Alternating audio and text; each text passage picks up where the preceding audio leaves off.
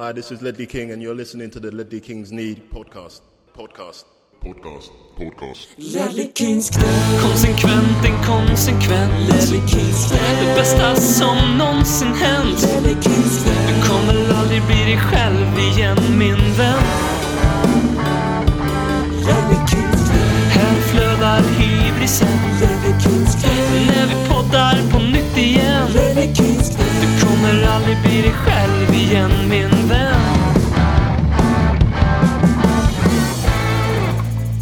Du lyssnar på ännu ett fotbollsledley, nämligen avsnitt 307 av den värmländska radioteatern Ledley Kings knä. Och fokus, som alltid, är på norra Londons sämsta lag, Bottenham Flopspur. Mitt namn är Per Frykebrant och med mig har jag också, som alltid, mannen som delar initialen med eh, bruna möss. Alexander BM, välkommen. Hur är läget? Never been better. Uh man går som på moln, rosa skinande moln i himmelsriket efter att ha blivit duktigt utspelade hemma mot Arsenal i North London Derby. Första derbytorsken på nio år på hemmaplan och vad är vi? 42 poäng ifrån ligasegern, något sånt där. Eh, så det, det är strålande. Det är lika bra med mig som det är med vädret ute som är regnblandat, snöblandat regn för fjärde dagen i ordningen. Ja, och lika bra som din internetuppkoppling som är ganska ifrågasatt just nu. Det, vi, vi får ju se hur det här går. Lyssnar ni på det här så har vi, vi i alla fall gjort bedömningen att det funkar helt okej. Men det här är andra, andra gången vi försöker här nu.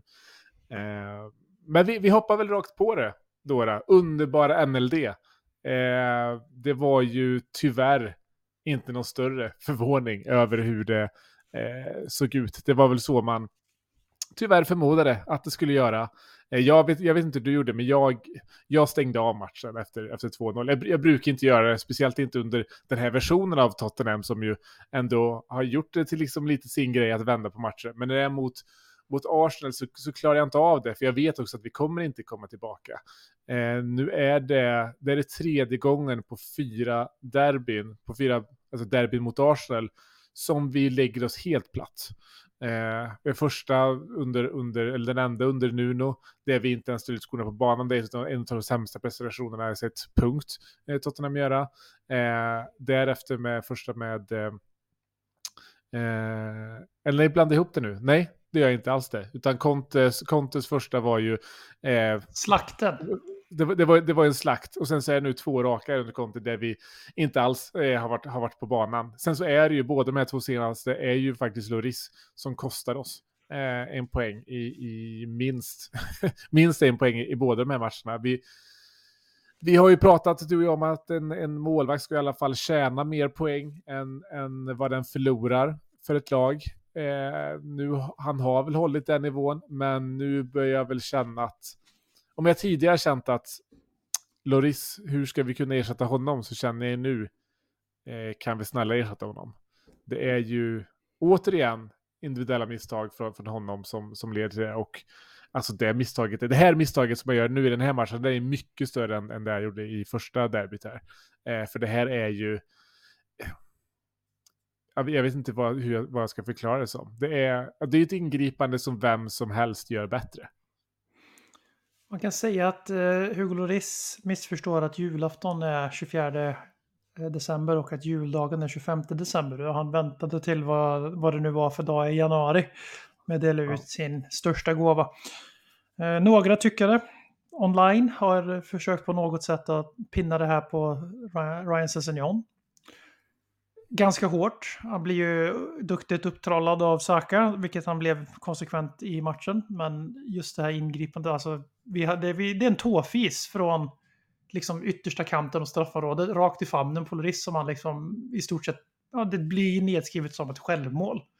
Mm.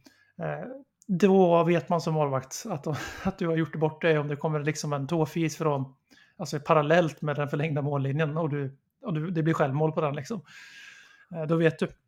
Eh, och eh, för att vara inne på det här med att vi har pratat om att hur ska vi kunna ersätta Loris till att när ska vi ersätta Loris? Och slutligen, nu vill jag ersätta Loris.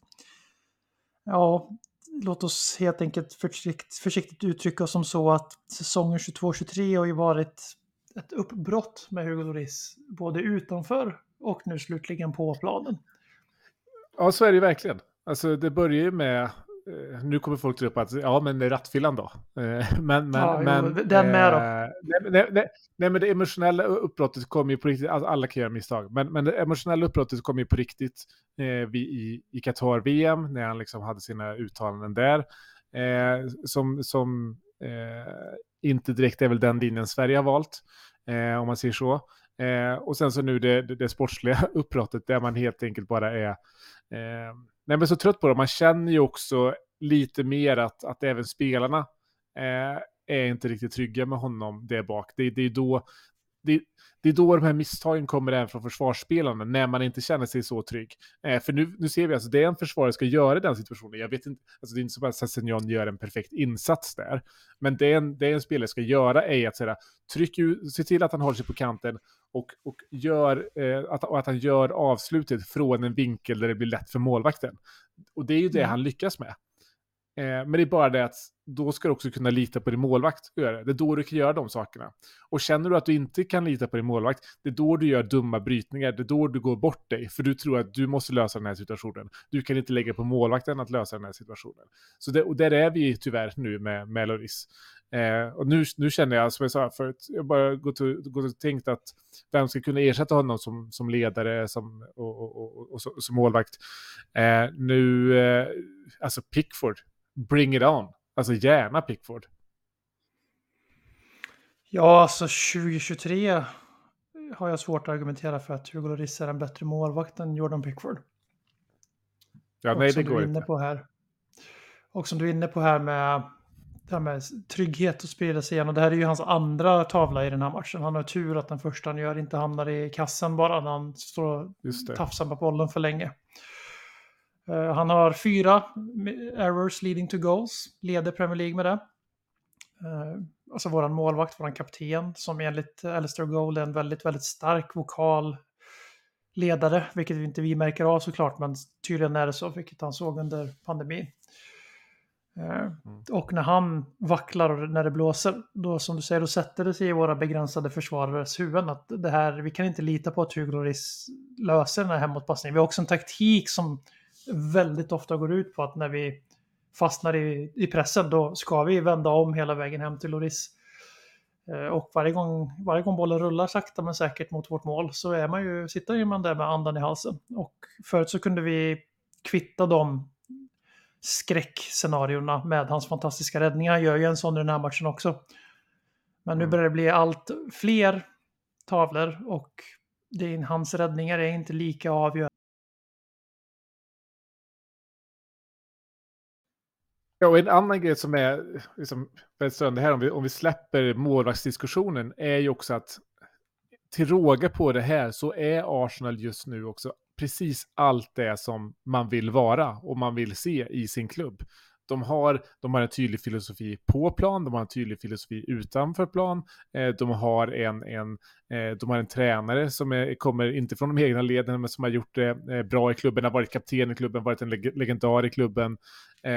De har unga spelare, de har lokala spelare, eh, de, har, eh, de har också den här rövigheten i sig nu som de inte har haft eh, tidigare, när de har varit lite eh, kanske, kanske, kanske lite mentalt svaga på något sätt. Nu känns de snarare tvärtom och liksom de, de bråken som sker efter slutsignalen bara eh, förstärker ju det ännu mer.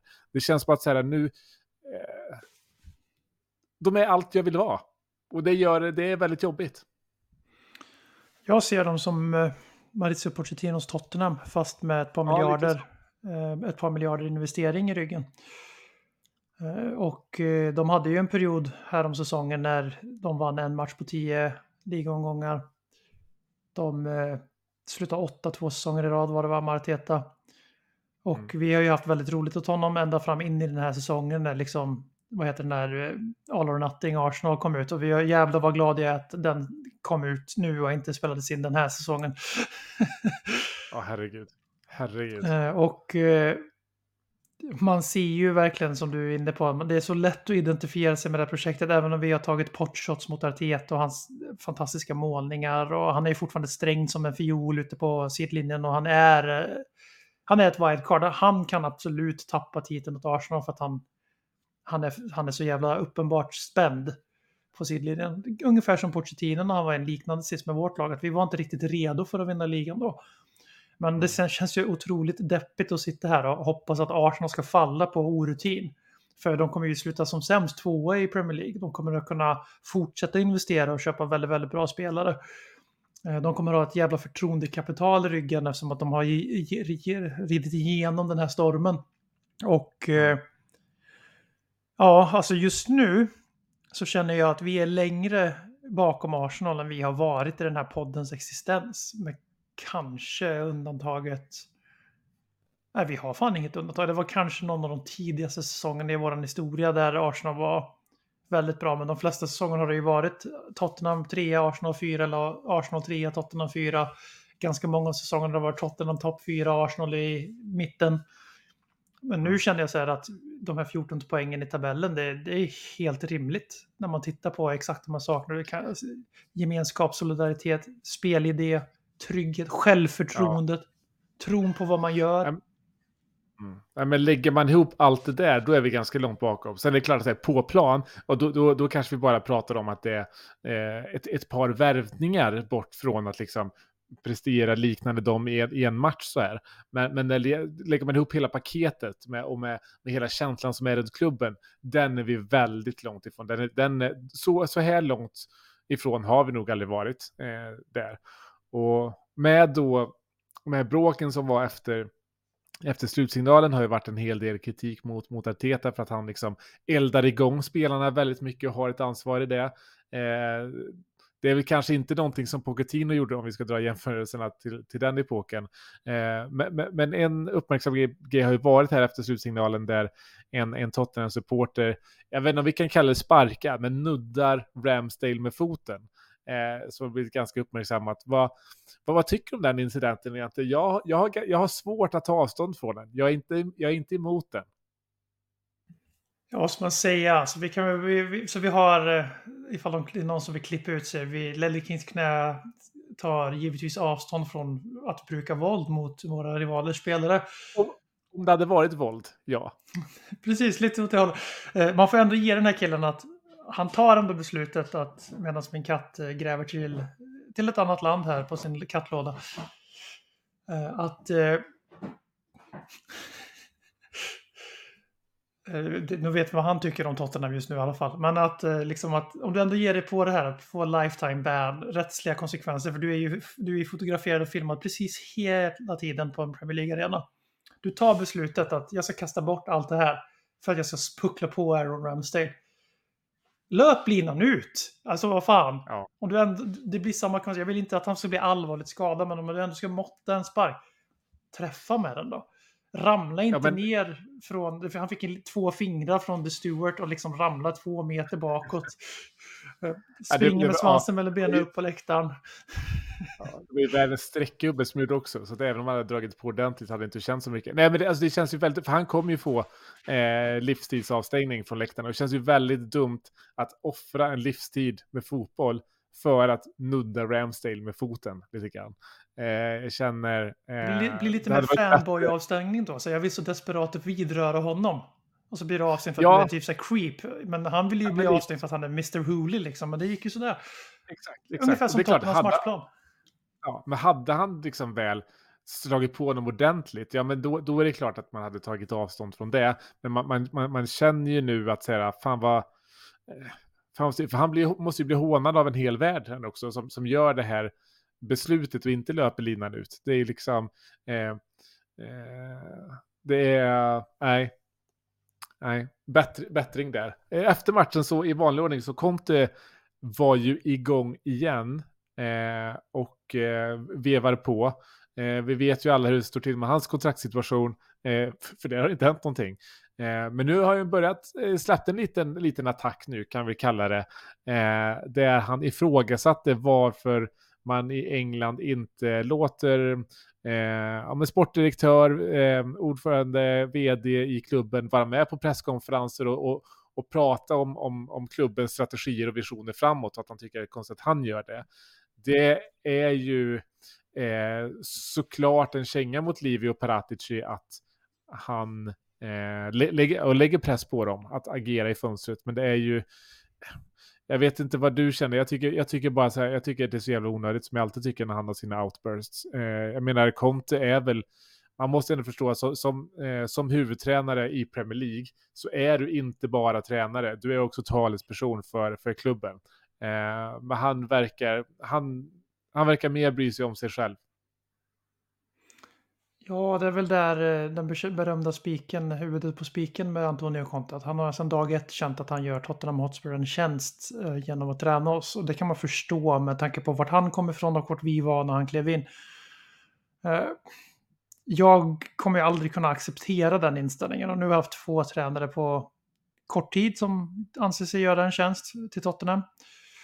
Eh, I olika grader av själv, be, självförräderi eller liksom att lura sig själva. För Mourinho var inte riktigt på samma platå som Antonio Conte när han var samma person här. Och sen hade vi någon som var extremt, alltså för tacksam för att vara Tottenhams tränare däremellan. Livi ville väl ha någon att trampa på där ett tag. Stackars Nuno.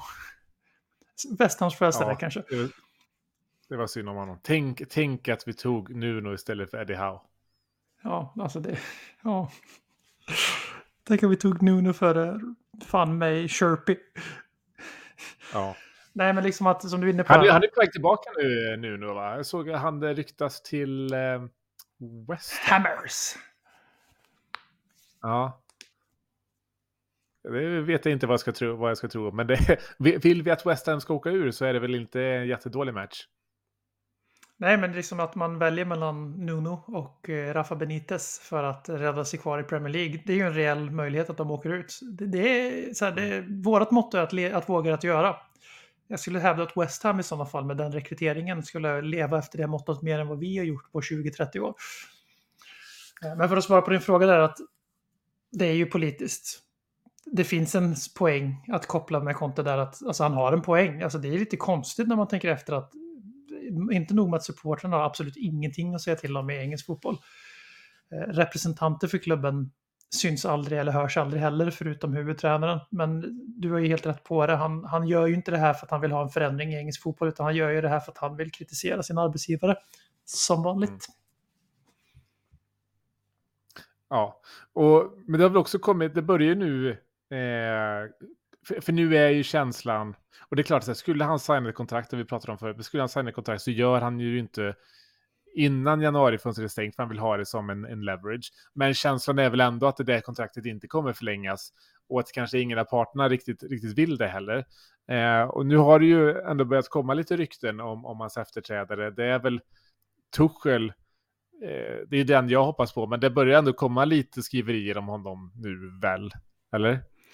Ja, alltså i dagarna här det kom ju ut en, måste varit en koordinerad briefing i många mediekällor att alltså som öppnade upp för att det är fan inte bara Conte som är missnöjd med Tottenham utan Tottenham är missnöjda med Conte också eller att man kanske snarare kommer fram till att det här, det här äktenskapet av convenience snarare än av kärlek och samsyn går mot sitt naturliga slut oavsett eh, och eh, det kommer ju som sagt ut på, samma, på flera ställen samtidigt. Det brukar vara ett tecken på att det är klubben som läcker ut det. Eh, de vill besvara elden helt enkelt i det här kriget som Conte har fört mot Tottenham ända sedan han anställdes i stort sett. Och eh, de namnen som nämns, som, in, alltså som nämns är ju Pochettino där det mest är liksom den här att det var nära förut och att det känns förutbestämt att någon gång kommer han komma tillbaks. Och sen idag då, den 18 januari får vi lov att säga för att vi spelar in det här en tredje gång. Så, så kommer det ju ut att eh, Tuchel skulle vara intresserad av jobbet. Och jag menar det är klart att jag frestas av tanken att ha Thomas Tuchel som tränare för det är en väldigt bra fotbollstränare.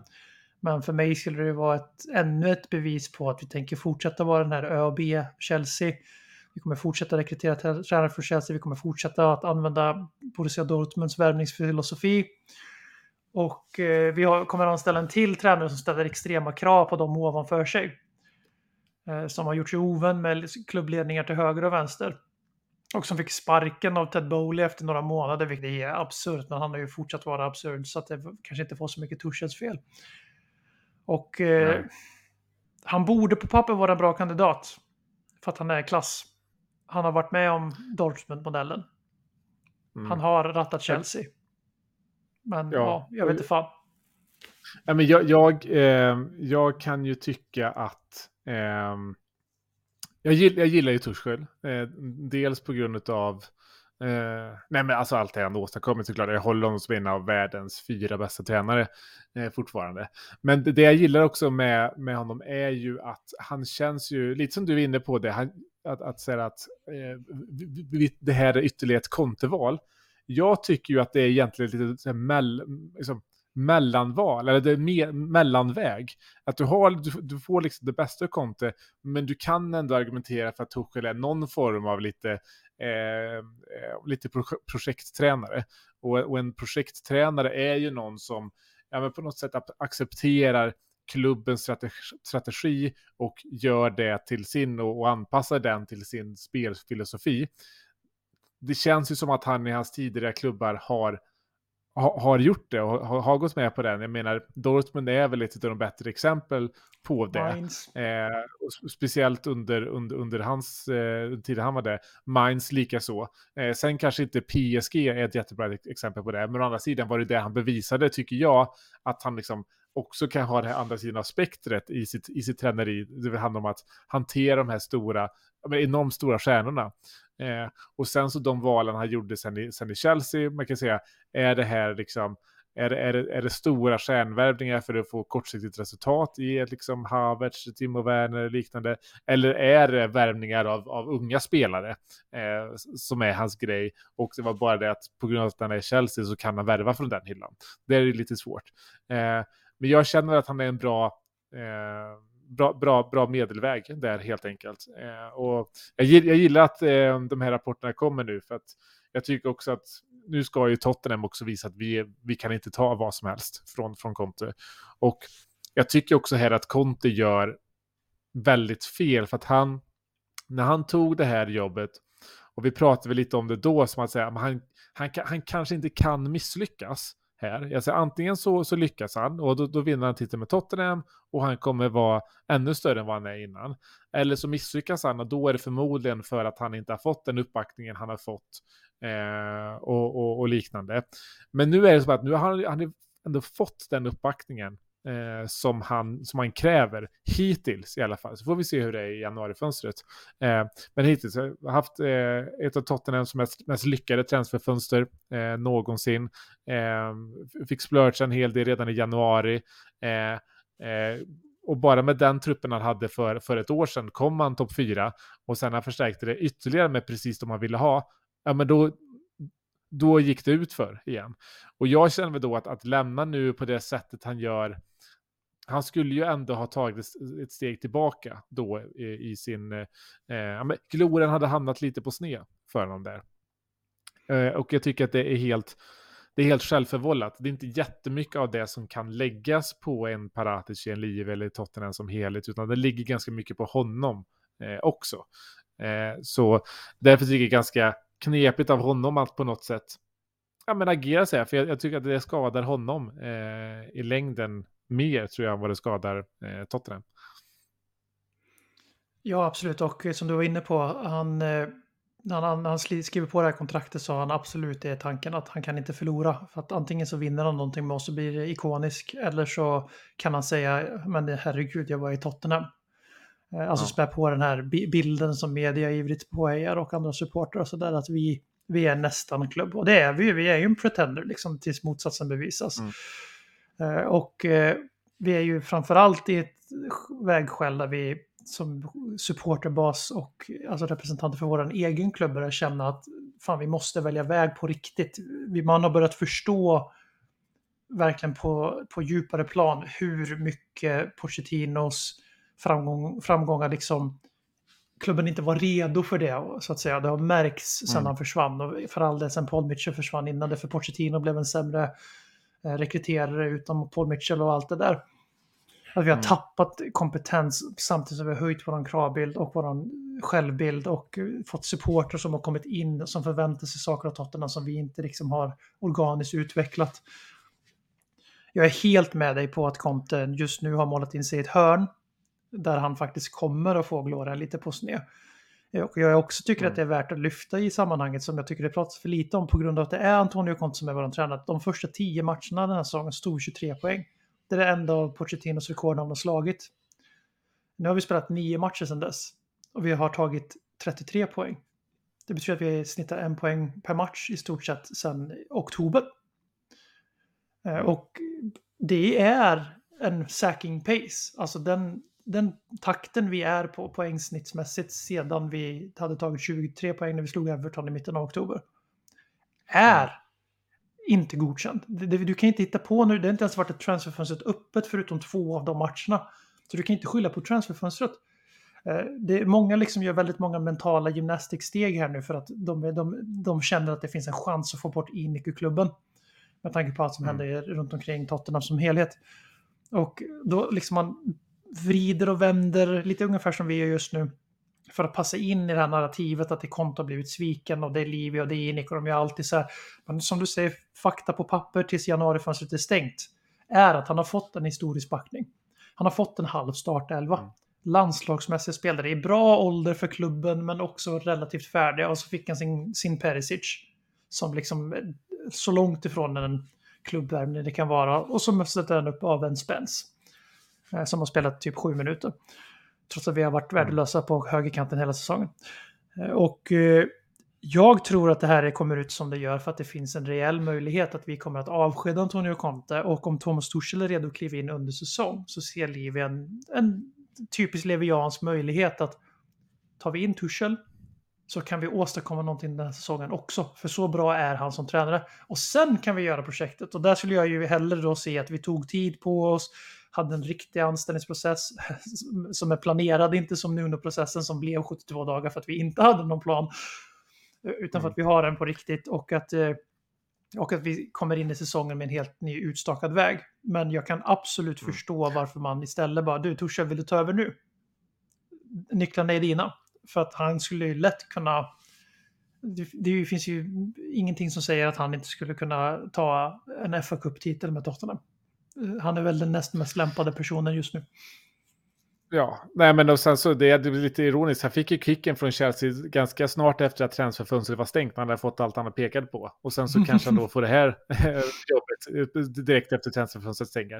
Eh, så det var lite ironiskt. Sen så jag, jag gillar ju Tottenham, eller vad säger jag, jag gillar, jag gillar, jag gillar Tottenham. Du Eh, gör men det? Jag gillar ju eh, Tuchel, ja, eh, än så länge i alla fall. Jag gillar ju Tuchel just också för att han har ju den spelstilen som passar vår trupp nu. Nu kommer vi ju, det är klart som fan att vi måste ju ha en tränare som spelar med trebackslinjen, som spelar på det här sättet. Eller som Ehm, kan det i alla fall. Det, som, som kan det i alla fall. Eh, och där, det, det passar ju han in. Eh, så att han kan ju gå in och ärva den här truppen. För vi kan ju inte än en gång ta någon som ska spela med fyrbackslinje till exempel. Alltså det, då har vi ju gjort allting i onödan och måste börja om igen. Så att det, någonting sånt måste ju, eh, måste ju till. Eh, får se vad det kommer för förändringar i, i truppen framåt här. Det har ju kommit nu kring eh, lite rapporter kring Keynes eh, kontraktssituation. Det är lite rappor liksom rapporter om, från, från bägge sidor. Dels om att han eh, inte vill förlänga, dels att det är samtal, vet inte vad man ska tro, men jag tror väl kanske mer på att han inte är så sugen på att förlänga. Sen tror jag personligen, som sagt, vad som jag pratat om tidigare, att jag tror inte att jag kan inte se någon annanstans han skulle gå till. Det är klart att jag, jag tror nog att så som i det läget Tottenham är i nu, jag tror absolut att hade någon kommit in och bjudit 100 miljoner pund för honom, då släpper man ju honom. Eh, men jag ser väldigt få som skulle kunna göra det. Det är bara United egentligen. Och eh, nu, nu flyger ju visserligen United. Det är så att United fortsätter flyga under den här säsongen. Kanske tar en Champions League-plats, kanske tar en tredjeplats. Eh, då kanske det är eh, intressant för honom att gå dit. Ehm, jag, jag, vet, jag vet inte vad du, om du har ändrat eh, din stance i den här frågan sen senast vi hade den här diskussionen. Han svek klubben. Eh, han betedde sig som ett ägg när han ville till Manchester City. Och det, det har, vi, har vi svalt och liksom accepterat för att han är en av de, om, om inte den största, så en av de största Tottenham någonsin har haft. Eh, jag lutar ju mer åt den här linjen att vi ska, det är dags att genomföra den här rebuilden som Pochettino ville ha i säsongen 18-19 redan. Och då är en av pusselbitarna där att sälja Harry Kane. För så länge du har Harry Kane, så länge du har Antonio Conte, så länge du har Jong Min Son, eh, så länge du har Hugo Lloris, eh, missförstå mig rätt nu, men eh, så länge du har de Mm. namnen på plats. Inte ens, du behöver inte ha alla, men om du har majoriteten av de namnen på plats, då, då kommer det vara svårt att motivera både för truppen som måste buy in 200% för att det ska gå eh, och för supportrarna att vi ska ta några mellanår. Det kan bli så att vi gör en Arteta, vi blir åtta tvåor i rad. Men sen jävlar ska vi bli på riktigt. Det går inte med de namnen, för de kommer aldrig acceptera det och inte allihopa i alla fall. Den som absolut inte kommer acceptera är Antonio Conte först och sen Harry Kane. Eh, och då kan vi hamna i ett läge där det kan vara ett nödvändigt ont eh, att vi måste skiljas från båda två. Och att den säger som Harry Kane, det säger någonting om hur mycket den här City-flörten har skadat hans anseende. För att eh, om man lyssnar tillbaka till våran podd när Gareth Bale skulle iväg så tror jag vi var liksom i förnekelsestadiet tills Bale hade på sig en rosa keps och piké och vägrade träna.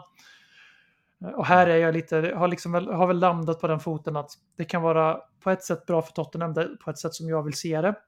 Det är inte Tuchelvägen, det är inte Contevägen och jag tror inte på den vägen utan det är bara någonting jag vill se. Men jag tror inte på den vägen utan vi kommer att fortsätta försöka lycka oss till den här mellanvägen som du är inne på.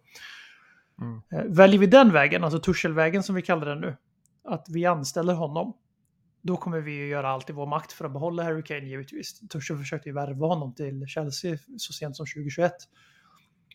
Eh, vi kommer att misslyckas tror jag, men samtidigt är det ändå ganska långt kvar tills kontrakt går ut 2024. Och Harry Kane kan ju inte bara liksom leva i vakuum, utan han kommer ju vilja ha eh, någon, han kommer ju vilja lämna i sommar. Jag tror, att han kom, jag tror inte att han vill gå, alltså det är klart att han ekonomiskt vill gå som free agent, det är ju jättefördomsaktigt för honom. Men han är också en korsbandsskada i mars 2024 ifrån att det kan vara kört för honom. Liksom. Han har ingen arbetsgivare. Nej. Eh, Sen tror jag, jag tror att han vill ha det att han kan säga att ja, men Tottenham fick bra betalt för mig. Även fast det Det liksom jag inte- inga pengar i världen är egentligen tillräckligt. Men, men Det eh, tror jag också, tror han bara helt klart. Säga det. Eh, Och det går motsägelsefulla rykten på- även från United-håll att ja, det är klart att de vill ha Harry Kane. Det har de velat ha sedan han slog igenom. Det har ju alla våra rivaler velat ha, för de vill äta upp oss för att vi blev på riktigt.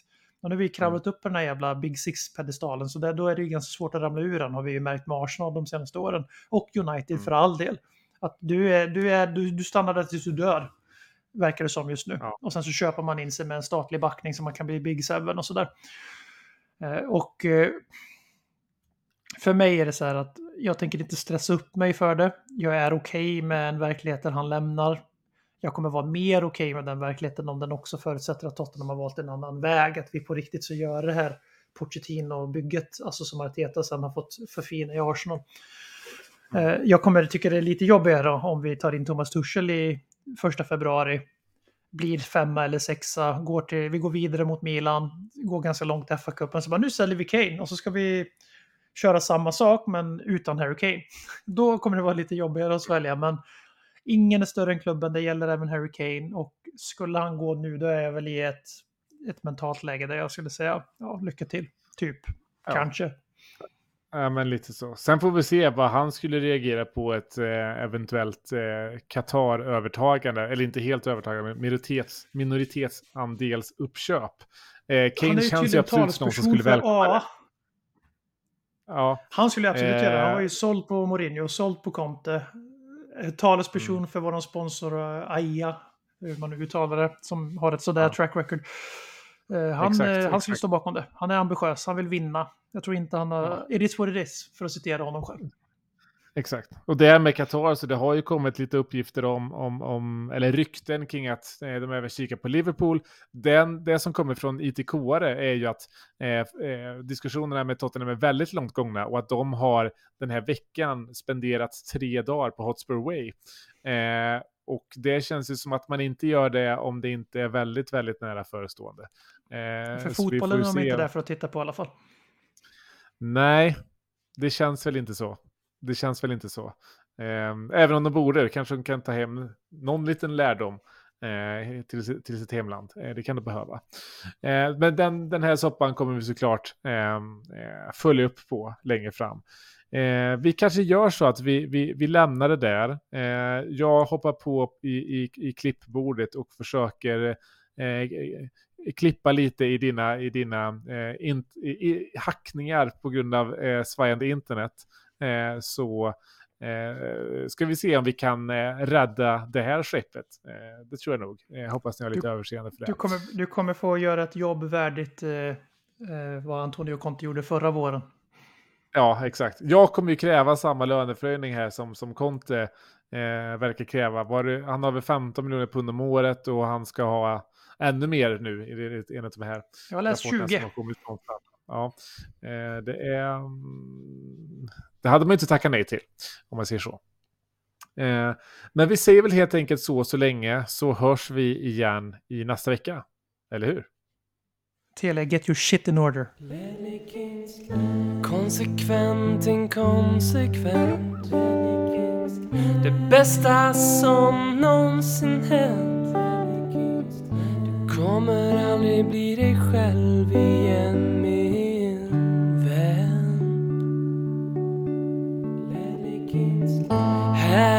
Dödar hybrisen. När vi poddar på nytt igen. Du kommer aldrig bli dig själv igen